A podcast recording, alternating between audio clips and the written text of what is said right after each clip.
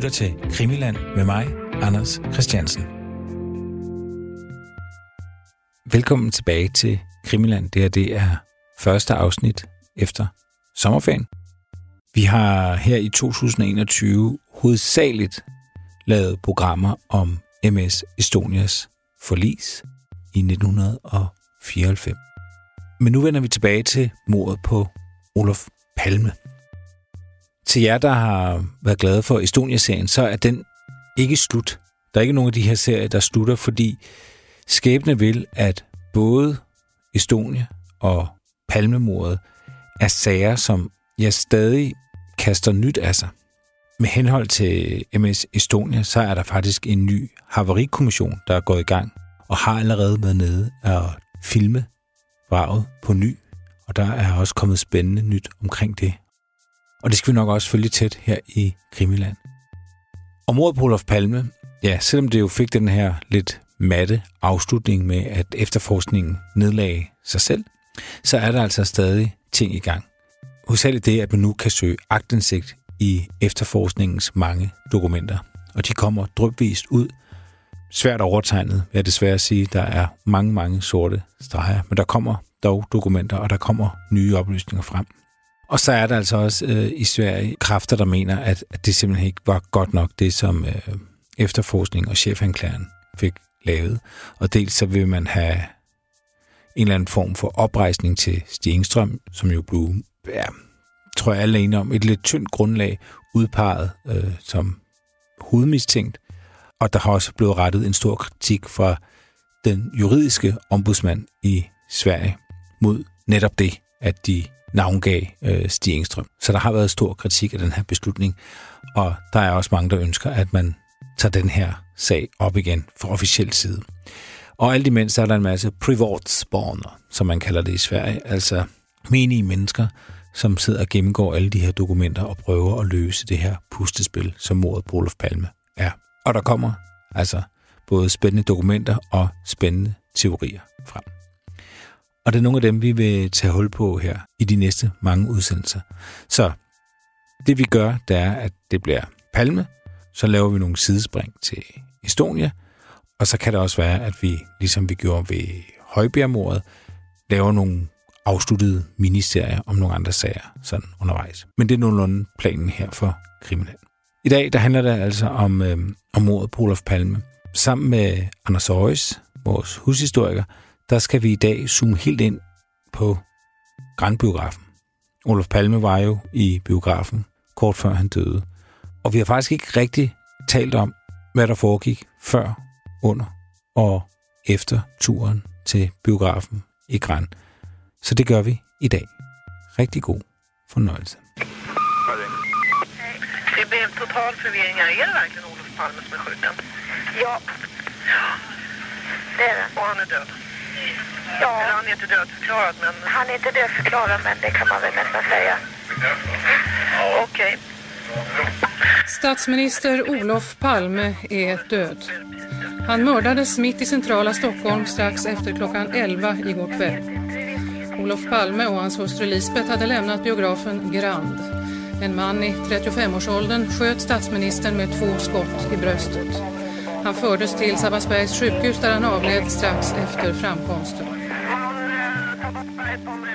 Altså, Gran, den her biograf, den ligger cirka 300 meter fra det sted, hvor Palme bliver myrdet. På Sværvæggen, ved Sværvæggen.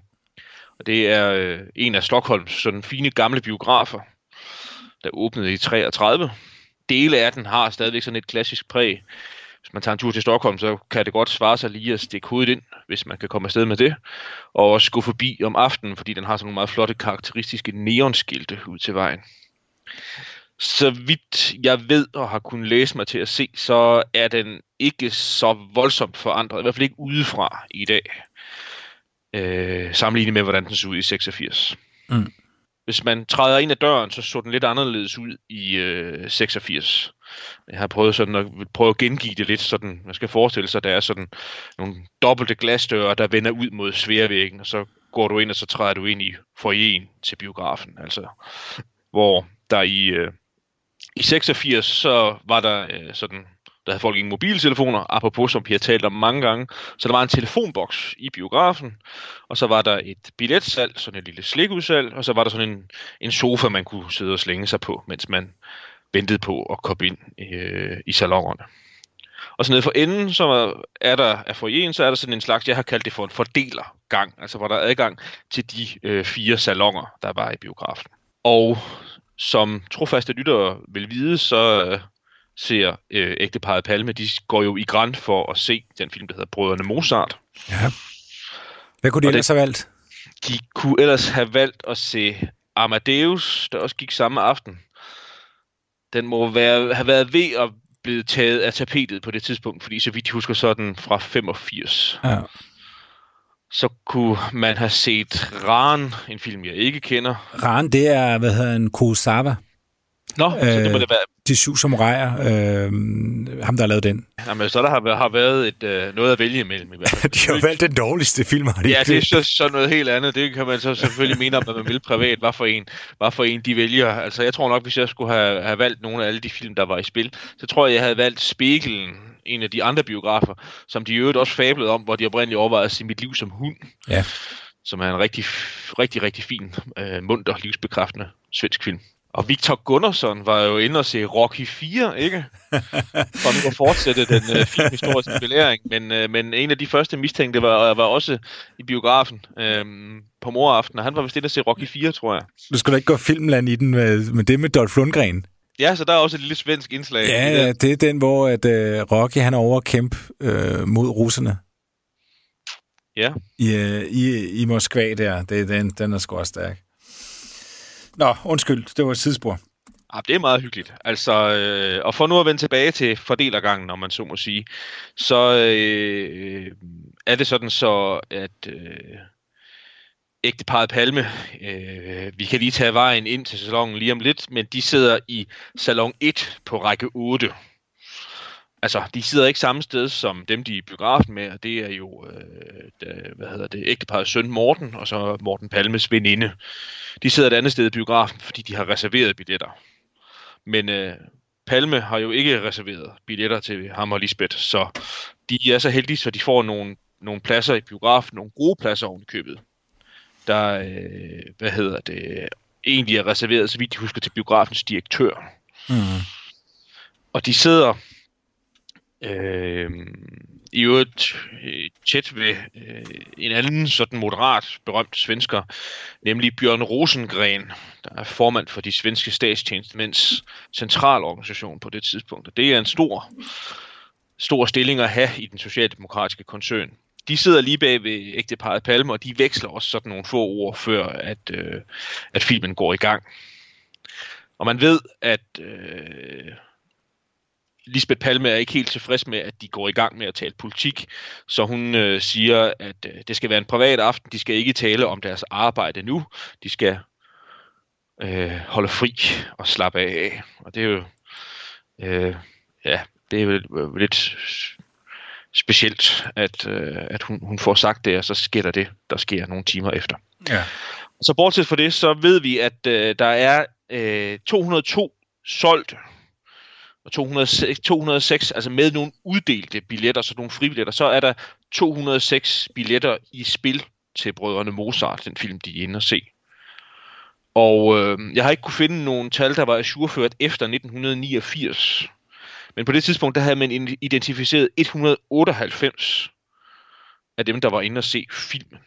Så det vil så sige, at alt efter opgørelse, så manglede der jo fire eller otte.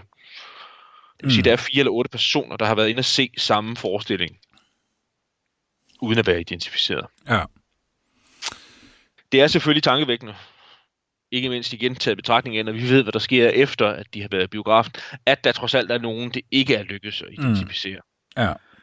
Øh, specielt fordi det var jo ikke sådan, så nyheden den ikke nåede ud i verden. Altså, man kan jo... Jeg ved ikke, hvad man kan forestille sig. Man kan forestille sig en dagsturist fra et fremmed land, der har været i biografen, og står tidligt op morgenen efter, og øh, jeg ved ikke, om så vedkommende tager flyveren ud i verden, men altså vedkommende må dog stadigvæk af en eller anden måde være, på en eller anden måde være, have fået besked om, at, øh, at der var sket det, der skete senere hen. Men altså, det, der kan, man kan tænke sig mange ting. Det kan selvfølgelig også være en opgørelsesfejl. Hvad, hvad, hvad ved jeg? Som sagt, Palme har ikke, har ikke bestilt billetter. Vi Mm. ved, at i løbet af den 28. februar har Lisbeth og Olof Palme også selv talt om en biograftur, og vi var nogle af mulighederne for film øh, igennem, og også, der var også nogle andre biografer, de, de kunne have overvejet at, at, at gå til i stedet for, men med stor sikkerhed, så det, der bliver udslagsgivende, det er, at øh, Lisbeth Palme ved, at øh, Morten Palme og Morten Palmes veninde, Ingrid hed hun i øvrigt, øh, de, de vil gå i biografen og se brødrene Mozart i Gran. Så Mm. mm. det, det, det, det er også derfor, at øh, Lisbeth og Olof Palme ender med at søge derhen. Men det er ikke detaljplanlagt, og det er ikke forudbestilt. Nej. Og så er der jo det her med det biografbesøg, at det er jo helt naturligt, at øh, det er noget, det er værd at ofre noget opmærksomhed på. Fordi det er det sidste sted, hvor Olof Palme han øh, sådan opholder sig. Og er der nogen, der ved, at han opholder sig der, og er der nogen, der venter på at øh, slå til, når øh, Olof Palme forlader den biograf. Så det er kun naturligt, at der er stor interesse for det sted og for det tidsrum, Øh, så det er naturligvis blevet efterforsket ret grundigt af politiet, og man har, øh, udover man har, sådan, har forsøgt at identificere dem, der var samme forestilling som Olof Palme, så har man også aktivt forsøgt at få så mange vidneudsagn som overhovedet muligt fra folk, der var til stede øh, enten i Grandbiografen eller ved Grandbiografen den aften. Ja.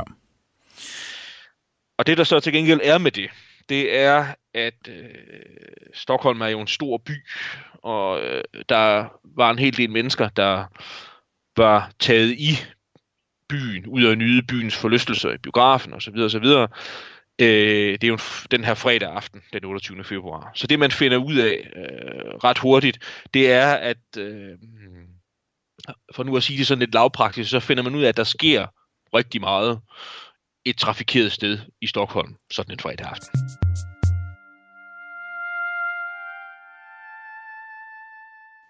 Det er sådan lidt et, øh, et, et, et vanskeligt arbejde at lede efter, med et fint ord, den kausale forbindelse imellem jagttagelserne og mordet på Olof Palme. Men det gør det jo ikke mindre interessant eller mindre inspirerende for den sags skyld. Det leder egentlig også til det, jeg synes, vi sådan skal gå direkte på i forhold til Grandbiografen.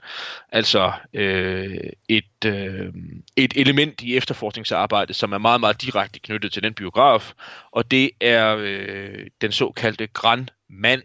Mm. Og hvis vi lige skal have lidt forhistorie, før vi kommer til definitionen, så øh, bliver sådan hele ideen om en grandmand væsentlig for efterforskningen i øh, ikke sådan umiddelbart efter mordet, men i 87-88 plejer man at sige. Og jeg vil sammenfatte det på den måde, at det der sker, det er, at efterforskningen vil øh, væk fra alt det tankespind, som Hans Holmer har haft, og den passivitet, som Hans Holmers afløser Ulf Karlsson, som var sådan en passiv by- byråkrat. Altså sådan en passiv efterforskning, øhm, så, så sker der det, forestiller jeg mig igen, at, øh, at man sidder, øh, da efterforskningen er blevet reorganiseret, og endegyldigt bliver det i februar 88, hvor det er Hans Ølvebru, der bliver efterforskningsleder, så skal der nogle idéer på bordet. Altså, man skal have noget at efterforske ud fra. Mm. Og så vidt det vides, så sker der det, at øh, nogen af, øh, skal vi kalde dem repræsentanter fra anklagemyndigheden, første række en anklager, der hed Solveig Riberdal, men også en, der hed Jørgen Almblad.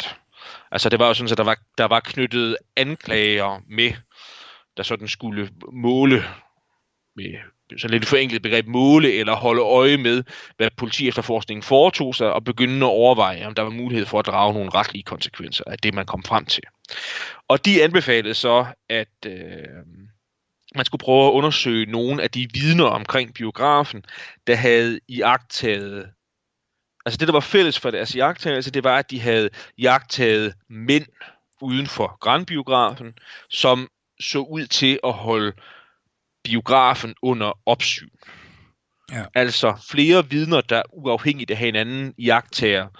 Og nu bliver det sådan lidt sprogligt vanskeligt, fordi de jagttager jo sådan set mænd, altså flere mænd, men er der taler om en mand, altså en grandmand.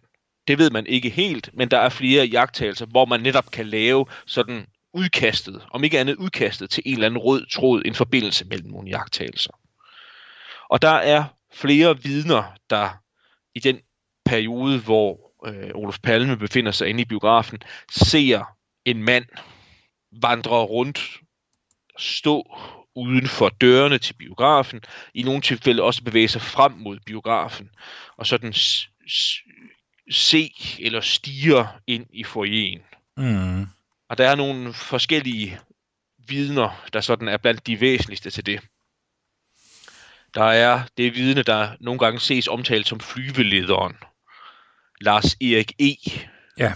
holder i sin bil uden for Grandbiografen. Skal hente, så vidt jeg husker, sine forældre. Og han øh, iagtager netop sådan en mand, der vandrer frem og tilbage over længere tid, virker interesseret i biografen, stiger ind i biografen, stiger også på Lars Erik E., der sidder i sin bil, og giver et så ubehageligt indtryk, så øh, Lars Erik E. e fortæller, at han låser dørene i sin bil indefra. Ja. Fordi han er nervøs for, hvad den her mand her kan finde på. Ja. Så er der et andet vidne, Hubert F., som ikke har været i biografen, men befinder sig uden for biografen. Der er et busstoppested, ikke ret langt fra biografen, hvor han skal med bussen cirka kl. 21. Det er noget med, at der går en bus 20.45 og 21.15, og han kommer for sent til den 20.45, så han står og venter på den, der kommer 21.15. Altså det vil sige lige det tidsrum, hvor Olof Palme er gået ind i biografen. Hele selskabet er gået ind i biografen. Og der ser han sådan igen en, en mand, der vandrer rundt og virker påfaldende interesseret i biografen. Mm. Kan tage to andre med, som ikke befinder sig udenfor, men i biografen. Anneli K. og Margareta S., som også har været inde og se en film i biografen. Jeg kan ikke huske hvilken, men de har været inde og se en af de andre film, der går i biografen. Og øh, den film er forbi før Brødrene Mozart. Og så den ene af kvinderne skal på toilettet, så vidt jeg husker. Hvad hedder det? Og så, så mens den anden venter, så i akt er hun. Og så sådan en mand, der går rundt udenfor og går helt tæt på den her glasdør her bruger på et tidspunkt udtrykket, så nærmest han trykker næsten næsen flad mod ruden for at se sådan med sådan stigende intensivt blik, se hvad der foregår inde i Grandbiografen. Mm. Og se, så skal vi, synes jeg, vi skal lige tage et enkelt vidne med, som ikke sådan er helt direkte tilknyttet til Grand, men næsten. Og det er jo, øh, jeg har skrevet mine notater i anførselstegn, vidnet i pølsevognen. Altså, der er øh, ved siden af, ikke så langt fra Grandbiografen, i den retning, hvor ægteparet Palme går, efter de har set filmen.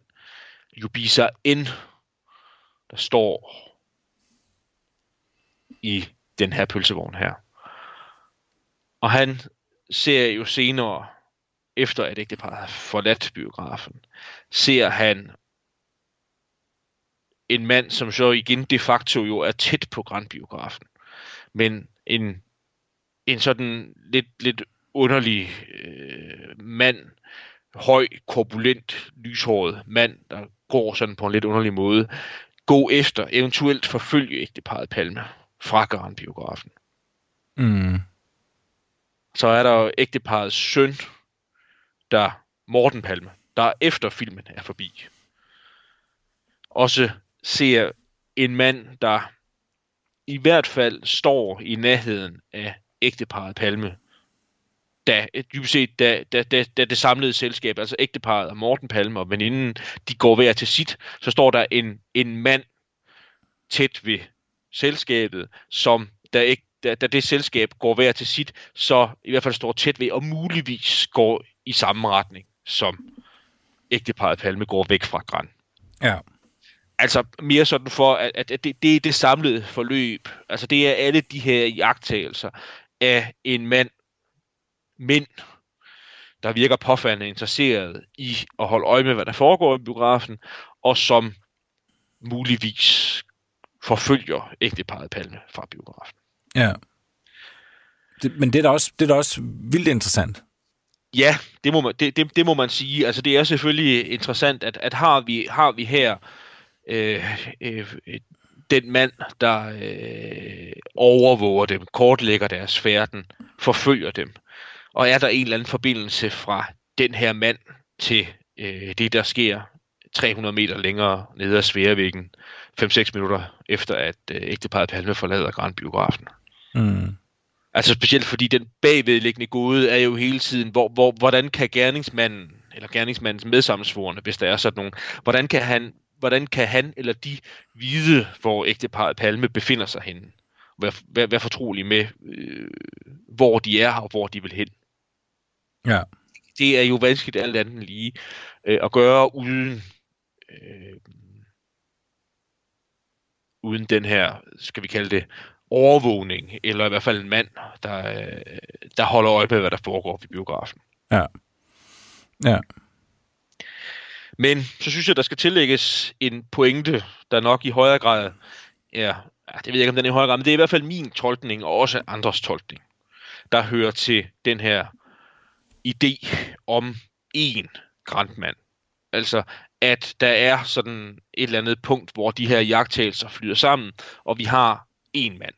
Mm. Og det er, at øh, også sådan, da efterforskningen begyndte at fokusere på den idé, så har den at gøre med ideen om, at mordet blev begået af en gerningsmand, der handlede alene. Mm. Altså en, der på egen hånd havde konstateret, at ægteparet Palme var gået ind i biografen, og en, der på egen hånd holdt øje med, hvornår de kom ud igen, og en, der så forfulgte dem, og på en eller anden måde overhalede dem undervejs til det, der blev gerningsstedet, og så stod på plads i tilstrækkelig god tid, nåede frem og stod i stilling, og så begår mordet. Ja. Altså, det, det er sådan den, den, den øh, praktiske omsættelse af grandmanden til en teori om, hvordan mordet gik til. Men jeg synes, u- uanset hvad man måtte mene om det, så, så er ideen om en grandmand, forestillingen om en grandmand, stadigvæk i- særdeles interessant. Altså det er en, en besnærende teori, at, at der kan være en forbindelse fra øh, en sådan mand og så til mordet. Altså navnlig så synes jeg jo, at jeg vil nævne, at øh, Lars Erik E., ham her flyvelederens vidneudsagn, gør jo selvfølgelig indtryk. Altså han sidder stille så længe i sin bil, som han gør, og i her den her mand her. Ja. Og jeg synes i dag, der, der altså, Lars Erik E's udsagn blev meget nært knyttet til øh, Christer Pettersson.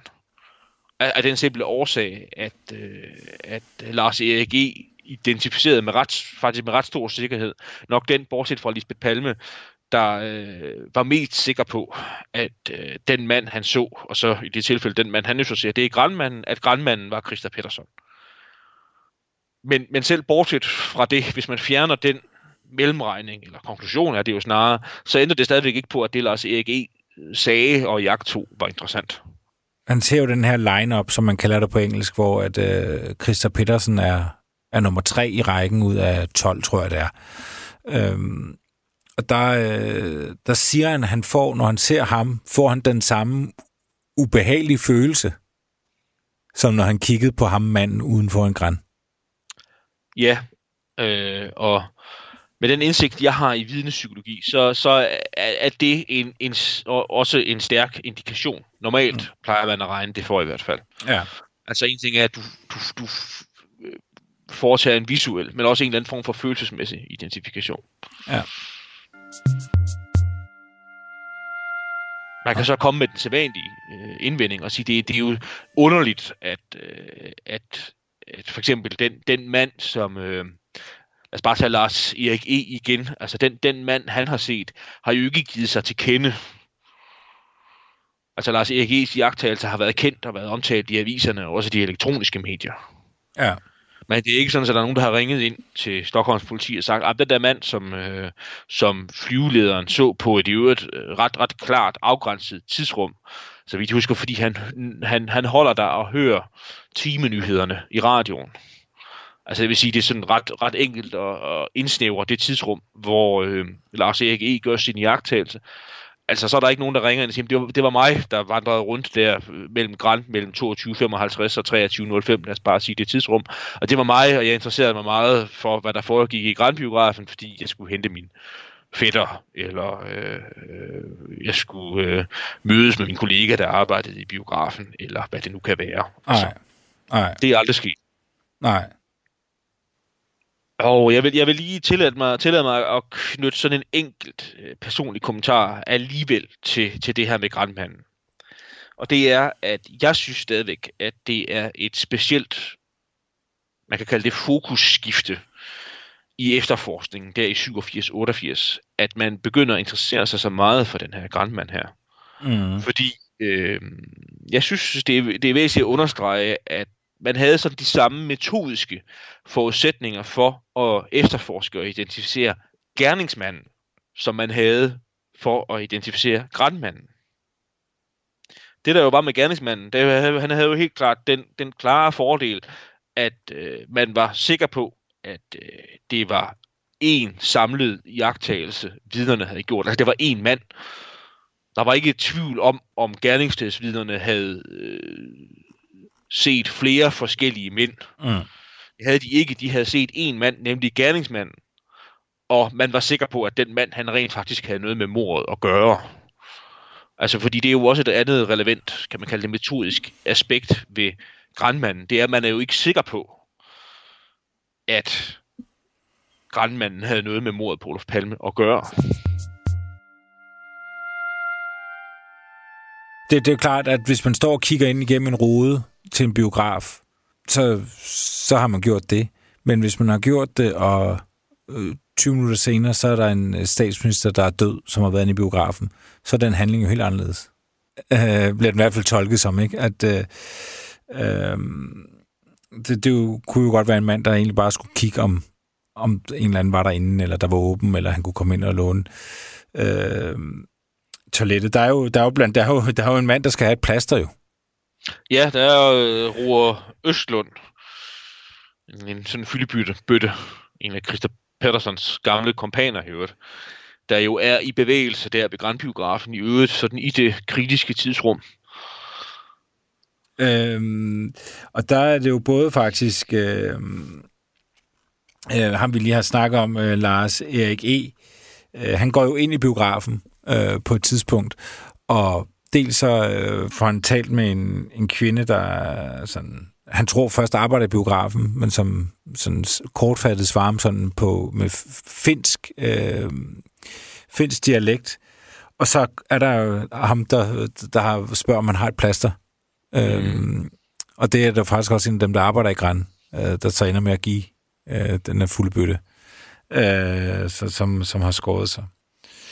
Øhm, skal vi hoppe lidt til dem, der arbejder i, øh, i Gran? Ja, det synes jeg, fordi vi ved jo i hvert fald nu, at øh, der sker mindst en meget interessant ting, mens øh, Olof Palme er inde i biografen. Ja. Øh, så vidt jeg kan se, øh, så er der øh, så er der fire mennesker på arbejde. Ja. Øh, der er en, øh, en øh, vagtmester, øh, Peter O. Øh, og så er der en, der arbejder i, øh, i, i, i kiosken, øh, Godis. Øh, og hun, øh, hun tager hjem Altså, de, de sidste forestillinger går i gang der, øh, kvart over ni-agtigt, og så er hun egentlig færdig for i dag. Øh, og der er ham, der... Øh, så, så hun tager hjem, og det gør ham, der sælger billetterne også. Øh, Jørgen Fredricius. Et lidt specielt navn, ja. Øhm, øh, og så er der så øh, altså ham, der sætter filmen på, Bertil L. Så, så er det ham, han, øh, han sætter filmen på. Han fortæller, at, øh, at han faktisk lidt overraskende har besøg af en, øh, en finsk kvinde oppe i boksen, øh, Ja. som han ikke er klar over skal være der, men det er jo bare øh, øh, direktøren, øh, Øh, eller en eller anden, der har lavet en aftale om, at hun kan komme forbi og dels se filmen, fordi hun overvejer, om den skal gå i finske biografer, og så skal hun også lære, de har åbenbart noget, en nyt udstyr eller andet, som hun skal øh, sådan se, hvordan får man egentlig afviklet sådan en film. Ja, jeg, jeg tror, det, det der er lidt specielt, det er, at Gran allerede har sådan, øh, kan vise film på ruller, uden at der er behov for, at, øh, at der er nogen, der går ind og gør noget, mm. mens de her film her, de bliver vist. Altså man kan dybest set, maskinisten behøver ikke at opholde sig i det der rum der hele tiden. Nej. Kan gå ind i en kaffestue hen ved siden af, så er der sådan en, en eller anden, jeg tror at Bertil, Bertil El siger, der er sådan en, en lampe eller en summer, der, der lyder, hvis der er noget galt. Ja. Øh, og hun har en, øh, en, en kæreste siddende nede i, i forjen. Og jeg tro, kunne forestille mig, at det måske er hende, som, øh, som før omtalte øh, Lars Erik E., han, øh, han møder i forjen efter, efter filmen. Mm. Øh, og hvad, hvad er der med ham? Jo, han, han, han, øh, han bemærker, at der er nogen, der tager blitz inde i salen. Ja, der det gør han. Det er en lidt en af de andre sådan lidt specielle ting, der, øh, der, der sker i Gran. Altså det bemærker Bertil L. Han ser det her øh, blitzlys og bliver øh, irriteret over det, fordi man ikke må fotografere i salongerne. Og han kan ovenikøbet præcisere, at det er omkring række 8, altså der, hvor ægteparet Palme sidder, ja. at det her blitzlys går af. Og det er der faktisk også det andet vidne, vi kommer tilbage til senere i en anden forbindelse, nemlig Gun T., kvinde, der har været i biografen. Og da hun, hun øh, hvad hedder det, øh, er på vej, jeg tror hun er på vej på toilettet, og ægteparet Palme ser hun så på vej ind, ser hun også et blitzlys. Jeg kan vide, om det er det samme blitzlys, de ser, eller, eller, ja. eller det ikke er det. Det ved vi ikke rigtigt. Det eneste, vi ved, det er, at øh, der er et vidne Løvegren, som har fortalt, at øh, han øh, tager et fotografi af den veninde, han er i biografen med. Men han gør det lige inden lyset går ud i salongen. Så der er nogle ting i forhold til, til tidsrummet for, hvornår det her blitzlys bliver jagtet, der ikke helt hænger sammen. Ja. Men øh, det ved vi ikke helt. Men, men det, det er selvfølgelig også specielt, at, at, at det sker, og det sker sådan, så der er to vidner, der er uafhængigt af hinanden, gør den jagttagelse. Ja, og så... Øh og, ja, og, og det er egentlig det, som øh, Bertil L. i første omgang har at, at fortælle. Øh, og han siger, at der ellers ikke er noget usædvanligt, der er sket. Men der er noget, han undlader at fortælle øh, i første afhøring.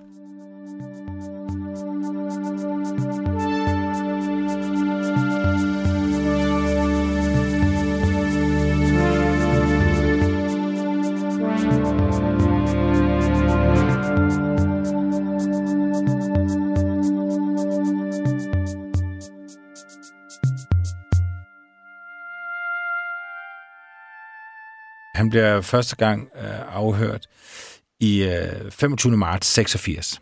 Altså en, en lille måned efter, efter mordet.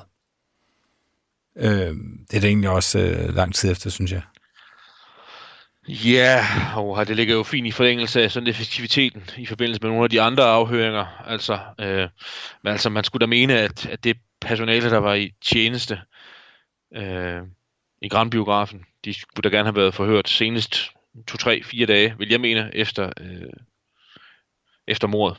Ja, så vidt jeg kan se, øh, nu går jeg sådan afhøringerne af ham igennem, så bliver han øh, kontaktet igen i et, et, et lille år senere, altså i februar 87, og det har noget at gøre med sådan spilletiderne øh, og sluttiderne på de forskellige film, som, som der lige skal tjekkes.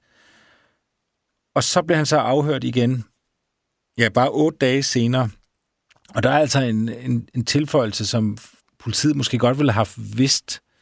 Det er netop, at han øh, faktisk under forestillingen ringer til, øh, ringer til en og siger, at Palme er i biografen. Ja. Og øh, jeg synes, skal vi, skal vi lige sætte den jagttagelse ind i en i aktuel sammenhæng? Ja. Øh, fordi det, det må man skamme melde at sige, at det er jo, er jo kendt stof, fordi øh, de her rapporter fra grandiderne har været tilgængelige lige siden øh, retssagen mod Christa Pettersson. Og øh, har også ligget frit tilgængeligt på internettet i mange år. Mm. Så det burde jo egentlig være en oplysning, der var kendt, men jeg var ikke faldet over den før, i, da jeg har læst øh, vidnerrapporterne igennem. Lige præcis faldet over den detalje. Øh, og øh, Ja. Øh, der er nogle, nogle svensker, der graver meget i et bestemt spor og har hæftet sig ved netop det her forhold her. Altså, jeg tænker, vi kommer, kan måske komme tilbage øh, i et senere afsnit til sådan de, øh, de sammenhænge, det så knytter an til. Men altså, det er jo interessant, at øh, noget øh, vi ikke, altså, vi vidste det jo godt, men ikke havde tænkt over før, ikke havde bemærket før. Nej. Nemlig, at der, der rent faktisk går en besked fra Grandbiografen og, om man så må sige, ud i verden om, at Palme befinder sig der. Ja. Og, han, og det, kan jo, det kan være mange ting, men han undlader i hvert fald at fortælle politiet om det.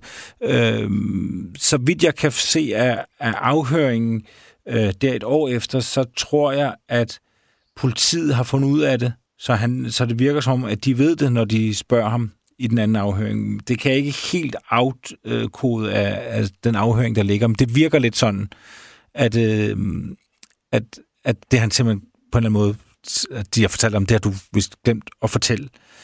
Ja, øhm. altså det er jo nok enten et chip eller en, øh, en sådan en samtalespecifikation, de har fået fat i. Ja.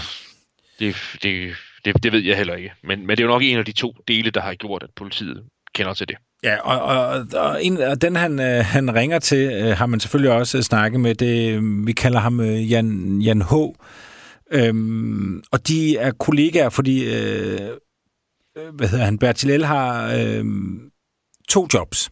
Han er både øh, arbejder i Gran, og så arbejder, arbejder han på Karolinska øh, sygehuset. Øhm, og det er der, de er, er kollegaer. Ja, altså vagtmester bliver de kaldt på ja. svensk. Jeg tror nok, man vil kalde det opsynsmand på dansk. Ja. Sådan, øh, ved, ved det her store sygehus i Stockholm. Og øh, Jan H., det er jo ikke, fordi han har så meget spændende at fortælle. Han siger, det er rigtigt nok, at han bliver, bliver ringet op. Han er, gang... de, er ikke helt, de er ikke helt enige om tidspunktet til gengæld. Nej, det er Bertil rigtigt. L mener jo, at han ringer klokken 22. Jan H. mener, at han ringer klokken 21. Ja. Og øh, Jan H. er i gang med at se uh, Der Sport, Ja, der er mange gode film i spil den 28. februar 86, fordi det er jo også en, en, en, en fremragende øh, øh, filmklassiker, han har sat sig ned for at se. ja, og, og han siger til, han er, han er meget nonchalant egentlig, når han fortæller politiet om det. Han siger, at han var ikke sådan særlig imponeret over, at Palme var i biografen. Han, han får tænkt noget med, når har han ikke video, øh, Palme, siden han er nødt til at gå i biografen, og han sidder derhjemme og ser... Øh, der er Spot, som er en, en mildt sagt en hele aftensfilm. Det må man sige. Jan, Jan H. er næsten sådan påfaldende ligeglad. Ja. Øh, da han udtaler sig til politiet om, hvad, hvad han mener om, at der er nogen, der ringer til ham og fortæller, at Olof Palme er i biografen. Ja. Og, og, og det er sådan set egentlig det, der er i det, men der er nogle, øh, og det kan vi måske lige vende her, Anders, fordi der er altså kommet nogle andre tips til politiet øh, omkring øh, Bertil L., øhm, at han øh, efter sine øh, dels øh, skulle være meget... Øh, ja, det er faktisk øh, Jan H., der siger det, at, han er, at han, han, Jan H. bliver spurgt, har du, har du nogen bekendte, som er meget våbeninteresserede? Og siger han, jamen det skulle så være Bertil L. i så fald. Mm. Øh, der er det. Øh, og der er også et, et tip, som de har prøvet at følge op på, at, at Bertil L. også skulle have ringet til en, øh, til en anden mand øh, på det tidspunkt, som også skulle øh, arbejde på, øh, på det her store øh, sygehus. Øhm, og som øh, er en helt anden støbning. Han, øh, han er øh, fra øh, Bevar Sverige Svensk, øh, blandt andet. Ja, sådan en øh, højere national. Jeg tror godt, man kan våge at kalde dem fremmedfjendsk øh, øh, forening, der fandtes i ja, forening, forening, bevægelse, der fandtes i Sverige i 80'erne og også ind i 90'erne, tror jeg.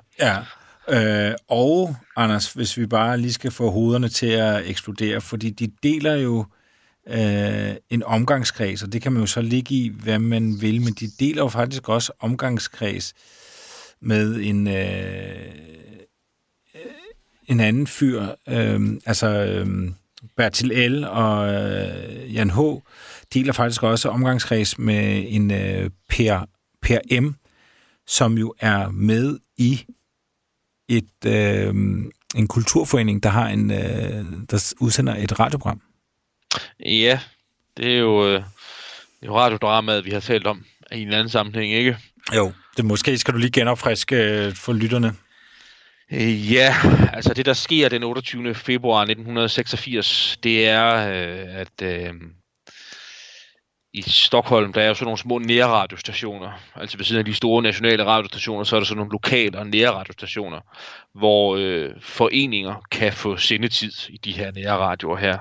Og så er der sådan øh, en, ja, man kalder sig vel sådan en kulturforening. Den har sådan lidt et kompliceret øh, latinsk klingende navn, altså sådan frit oversat, så øh, hvad hedder det, øh, altså Avantgardens Selskab, den svenske Avantgardes Selskab. Mm. Det er ikke helt forkert at kalde dem det, tror jeg nok. Jeg vil ikke give mig ud i sådan lige at gengive den øh, latinske udtalelse. Men de, i den udsendelse, de har fået stillet til rådighed den 28. februar 1986, der øh, sender de sådan et, øh, et, et stykke om øh, mordet på øh, den svenske kong Gustav den 3., er blev jeg kan ikke huske det eksakte årstal, men altså det er jo på et tidspunkt i 1700-tallet, sidst i 1700-tallet, så vidt jeg husker, at han bliver myrdet, og bliver myrdet af nogle sammensvorne. Og der er lavet sådan en, et, et radioteaterstykke om de sammensvorne sidste planlægning af mordet på Gustav den 3. Og det fremgår ret tydeligt af den her nærradioudsendelse, at, øh, at man forsøger at iscenesætte det som om, at det handler om mordet på en anden svensk statsmand end Gustav den 3. Mm. Mina herrar, mina herrar, för vilken gång i ordningen är vi här? För vilken gång i ordningen är vi församlade och förbereder oss och slipar våra argument? Vet ni vad jag hoppas? För sista gången. Det sitter en skådespelare på tronen och spelar hög herre. En lögnhals som satt förtrycket i system. Han måste bort. Han måste bort. Så enkelt är det. Politiet er ikke sådan synderligt interesseret i at efterforske hverken radioudsendelsen eller pa- nogle af de personer, der står bag den her øh, kulturforening. Mm. Men det er sådan nogle øh, kendte typer fra det højere nationale miljø. Ja. Altså det der, det, man- kan diskutere sådan nogle etiketter rigtig meget, hvad man skal hæfte på folk, men altså det, det, det der er fællesnævneren, også for den personkreds, vi var inde på før, det er, at det er Palmes forbidrede modstandere. Ja. Det er sådan set det, der forener dem alle sammen, øh, uanset hvilken etiket man så vil bruge, det er, at hvis der er en ting, der er sikkert vist, så er det jo i hvert fald, at de ikke er medlemmer af Palmes fanklub. Og absolut er nogle af hans øh, mest forbidrede politiske modstandere. Ja.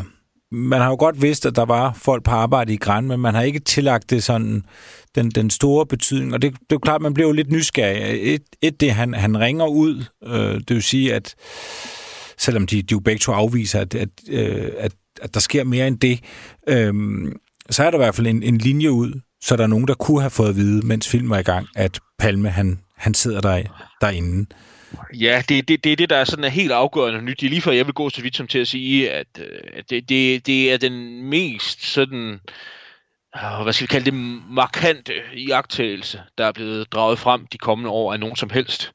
Det er den her hidtidige idé om, at ingen udforstående vidste, at ægteparet Palme var i biografen. Mm. At vi har så konkret vidnesbyrd om, at det så rent faktisk var tilfældet. Der var nogen, der vidste, at de befandt sig i biografen. Ja, og så er det klart, så bliver det jo lidt, også lidt mere interessant, når man så ved, at det, og igen, altså, hvad, hvad skal man ligge i det, men at, at det i hvert fald er nogen, der, øh, der tilhører nogle kredse, hvor, hvor Palme er fjenden. Ham, der ringer ud, blandt andet beskrevet som, som meget våbeninteresseret. Han er også med i, øh, i sådan en FBU.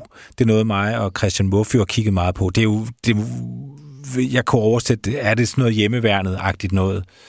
Men som, som nogen mener jo også, øh, er, er, er sådan et, øh, en, et sted, hvor at øh, stay behind celler egentlig kan være, kan være offentlig. Øh, så det er han også med i den her øh, Bertil, øh, Bertil L.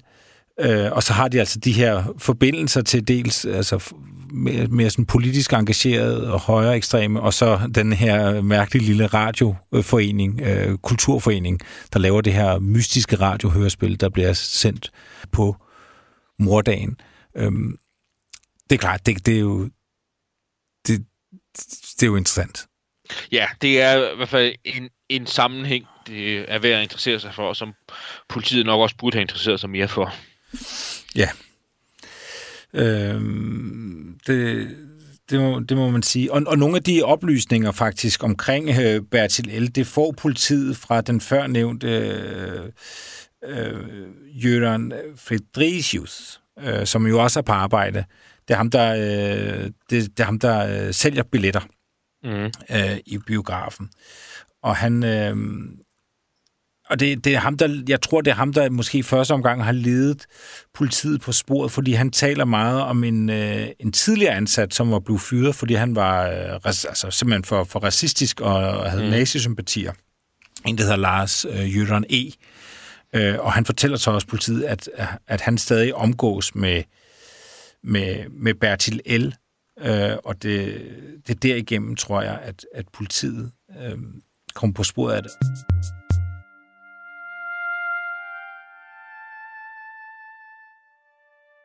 Og jeg glemte endda en ting.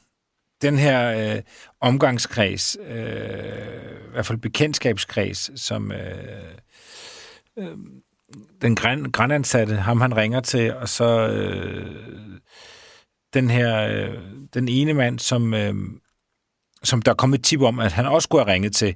Og der kan jeg sige, at øh, nu bliver det lidt indviklet, men, men øh, Jan H., som bliver ringet op inden for Grandbiografen, han fortæller, at den her tredje mand, som tippet er, er rigtig, han snakker han faktisk med. Han siger, det er eftermod, at han snakker med, med vedkommende, som er den her politiske aktive øh, mand, som er øh, fra det her bevar øh, Sverige, svensk blandt andet.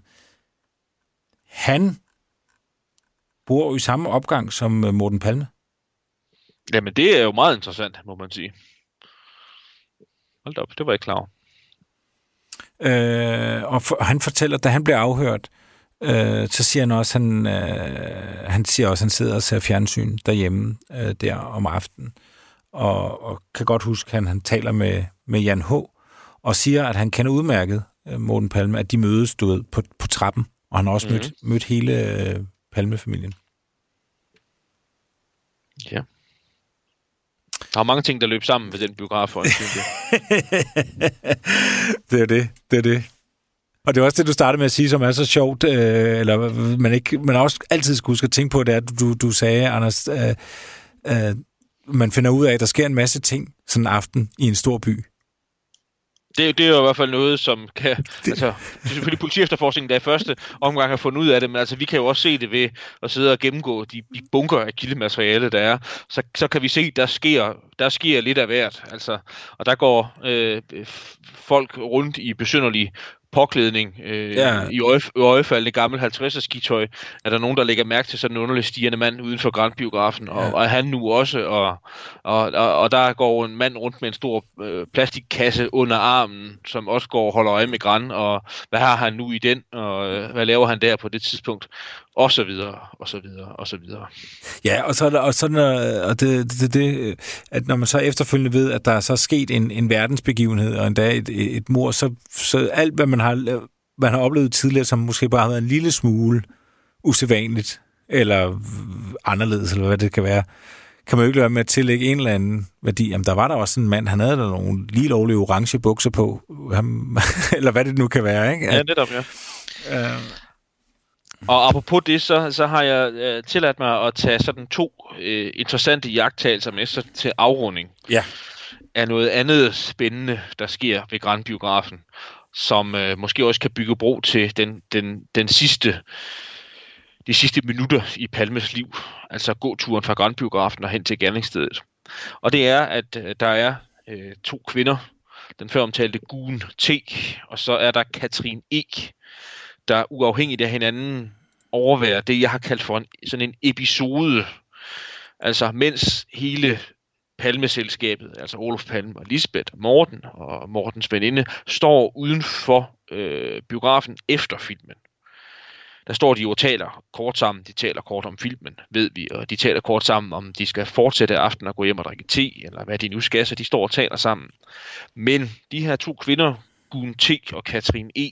ser øh, begge to, uafhængigt af hinanden, Palme blive antastet af sådan en høj mand, i hvert fald højere end Palme selv.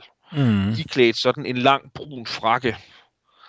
Og det forekommer begge kvinderne som om, at den her mand her, han er lovlig nærgående. Altså, øh, sådan på det nærmeste presser Olof Palme op imod øh, muren. Virker sådan meget insisterende. Og, og, og hele stemningen imellem den her mand her, Olof Palme og resten af selskabet, forekommer anspændt. Mm. Og den ene af kvinderne får sådan øjenkontakt med Lisbeth Palme. Sådan med, med, med den bagtanke, at der er brug for hjælp, at der bare brug for, at der er nogen, der blander sig. Men Lisbeth Palme sender sådan et afvisende blik, altså som om, det, det skal de nok selv finde ud af. Og det, der så selvfølgelig er interessant i den forbindelse, det er, om der er en eller anden form for konfrontation mellem Olof Palme og en eller anden anden mand, altså de her 6, 7, 8 minutter før, at mordet sker.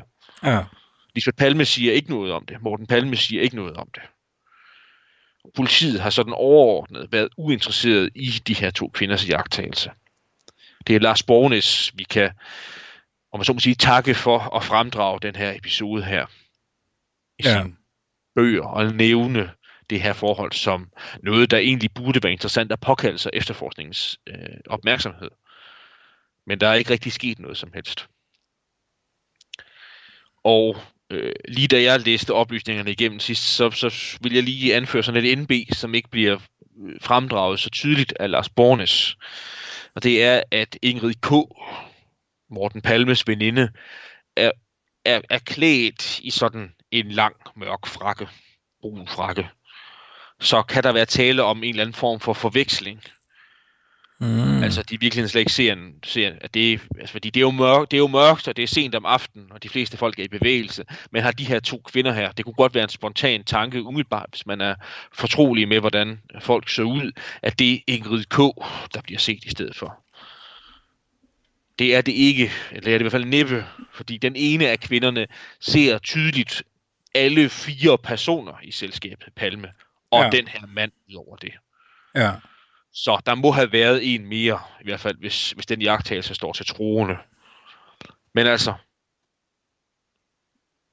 skiftevis enten der er, eller er der spørgsmålstegn, noget med en øh, høj mand i en brun frakke, der antaster Olof Palme kort tid før mordet. Ja. Det vil man godt vide noget mere om. Det kunne være spændende at vide noget mere om, men øh, det ved vi i hvert fald til dato ikke noget om. Og Lars Bornes refererer også nogle, sådan nogle interessante supplerende oplysninger om det her, og det er, at den ene af kvinderne, der havde videregivet den jagttagelse, og nok selv var lidt opsøgende i forhold til, om politiet ikke skulle efterforske det nærmere, blev ringet op af Solveig Riberdal. Angiveligt ringet op. Ifølge hendes eget udsagn ringet op af Solveig Riberdal fra anklagemyndigheden. Mm. Der sådan i kvindens egen udlægning øh, havde den dagsorden, at hun ville prøve at tale kvinden fra og fremdrage den her oplysning mere og presse mere på, for at den blev efterforsket. Skulle have ordret have sagt til vidnet, tænk på enken.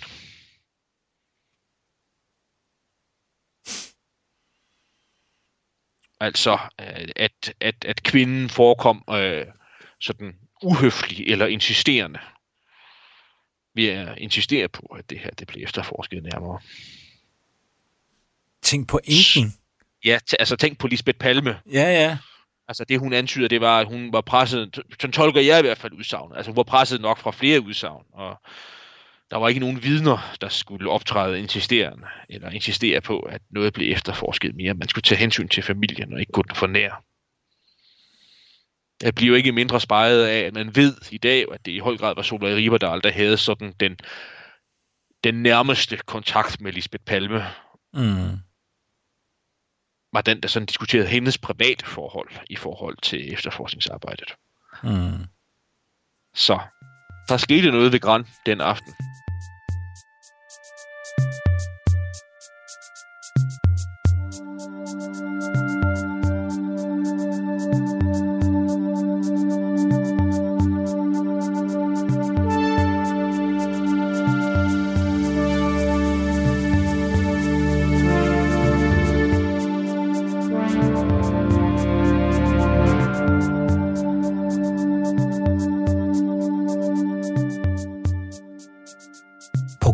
Produceret af Wingman Media for Radio 4.